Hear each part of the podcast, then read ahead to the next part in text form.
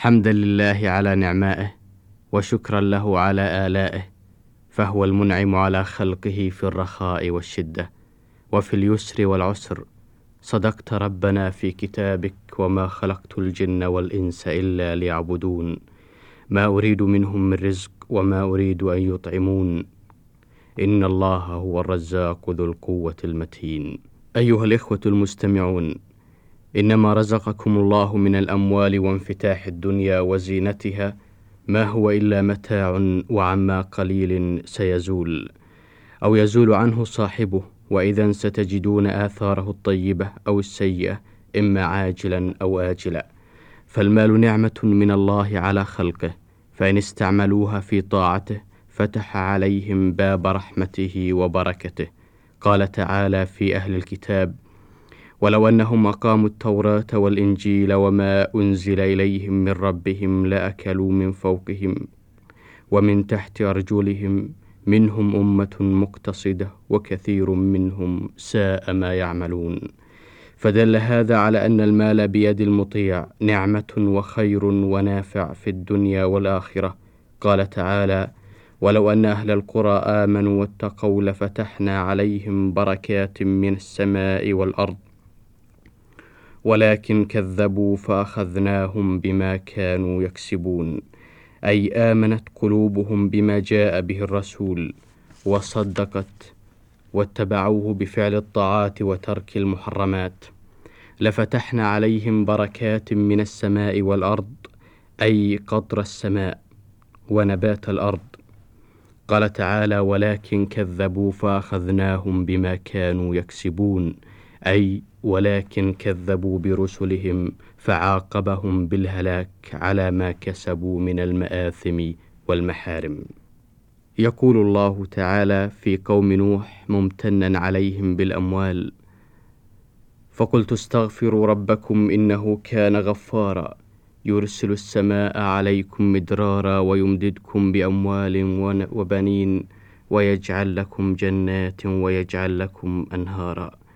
ويقول الله عز وجل في الوليد بن المغيرة الذي نصب العداوة لمحمد صلى الله عليه وسلم ولم يشكر الله على ما رزقه من الأموال والأولاد ذرني ومن خلقت وحيدا وجعلت له مالا ممدودا وبنين شهودا ومهدت له تمهيدا ثم يطمع أن أزيدا كلا إنه كان لآياتنا عنيدا سأرهقه صعودا. فالمال أيها الإخوة المستمعون إن استعمل في طاعة الله فهو نعمة وإن استعمل في معصية الله فهو نقمة وباب سوء وعذاب.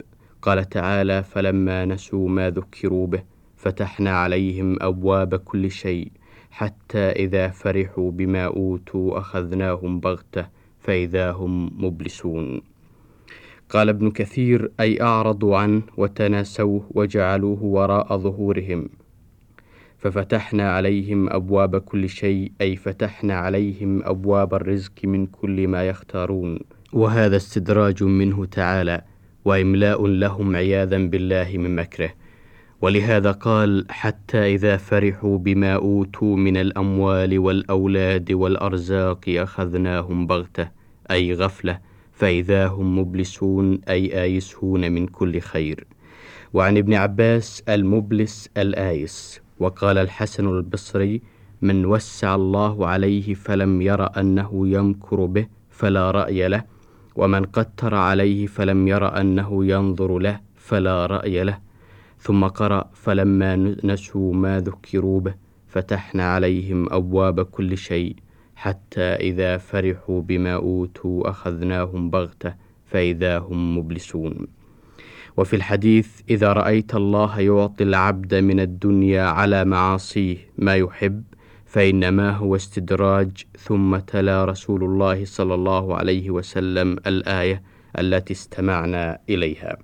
وفي الحديث الآخر إذا أراد الله بقوم بقاء أو نماء رزقهم القصد والعفاف وإذا أراد الله بقوم اقتطاعا فتح عليهم باب خيانة. حتى إذا فرحوا بما أوتوا أخذناهم بغتة فإذا هم مبلسون. وقال تعالى في من يأكل من نعم الله ولا يبالي بطاعته ولا من أي طريق اكتسب المال أو في أي طريق أنفقه. والذين كفروا يتمتعون ويأكلون كما تأكل الأنعام والنار مثوى لهم. أيها المستمعون الكرام كما أنه يجب كسب المال من طريق الحلال شرعا يحرم إنفاقه في غير الطريق المشروعة قال صلى الله عليه وسلم إن رجالا يتخوضون بمال الله بغير حق فلهم النار يوم القيامة.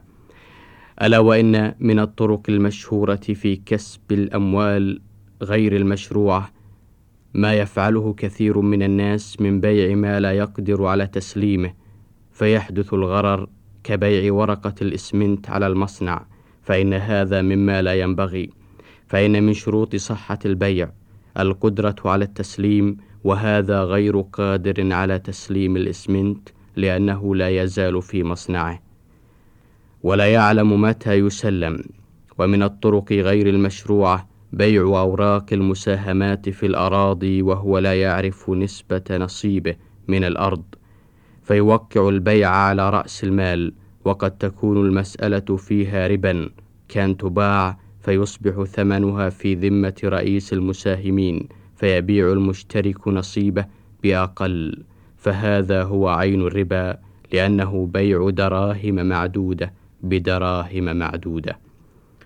ومن الطرق غير المشروعة الكذب في المناقصات والمشتريات للدوائر الحكومية ومؤسسات الشركات أو الأفراد. فيعطي صاحب الدكان من يشتري فاتورة بأزيد من الثمن لتكون الزيادة للمشتري الموكل كي يرغبه في المشترى منه مرة أخرى.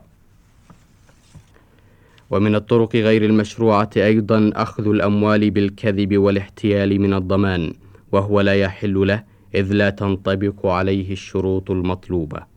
وكذلك البنك العقاري أو المساعدة للمواشي أو الزراعة أو التشجير مثلا لذا يجب على كل مسلم ألا يتناول شيئا من هذه الطرق إلا إذا انطبقت عليه الشروط التي حددتها الدولة.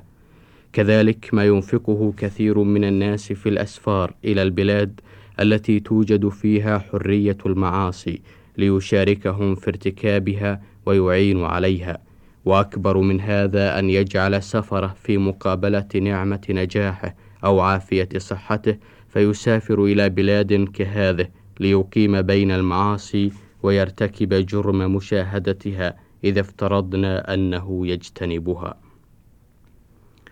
ومن جملة ما يبذل في هذا الصرف فيما يشتري للأولاد من المراكب التي لا يحسنون استعمالها ولا يعقلون عاقبة سوء استعمالها. أخي المستمع الكريم ألا بذلت شيئا من المال تقدمه لآخرتك وينفعك عند ربك ويكون مدخرا لك في ميزانك يوم توزن الأعمال؟ أما سمعت حديث الرسول الكريم إذا مات ابن آدم انقطع عمله إلا من ثلاث صدقة جارية أو ولد يدعو له أو علم ينتفع به.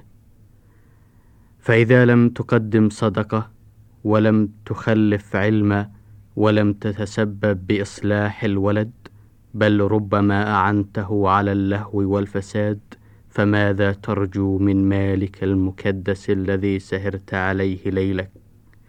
وأمضيت فيه نهارك وأتعبت فيه فكرك وجسمك. أسأل الله لي ولك وللمسلمين العفو والعافية في الدين والدنيا والآخرة وأن يجعلنا دائما من الشاكرين لنعمائه المعترفين بآلائه. وصلى الله على محمد وعلى آله وصحبه أجمعين. والسلام عليكم ورحمة الله وبركاته.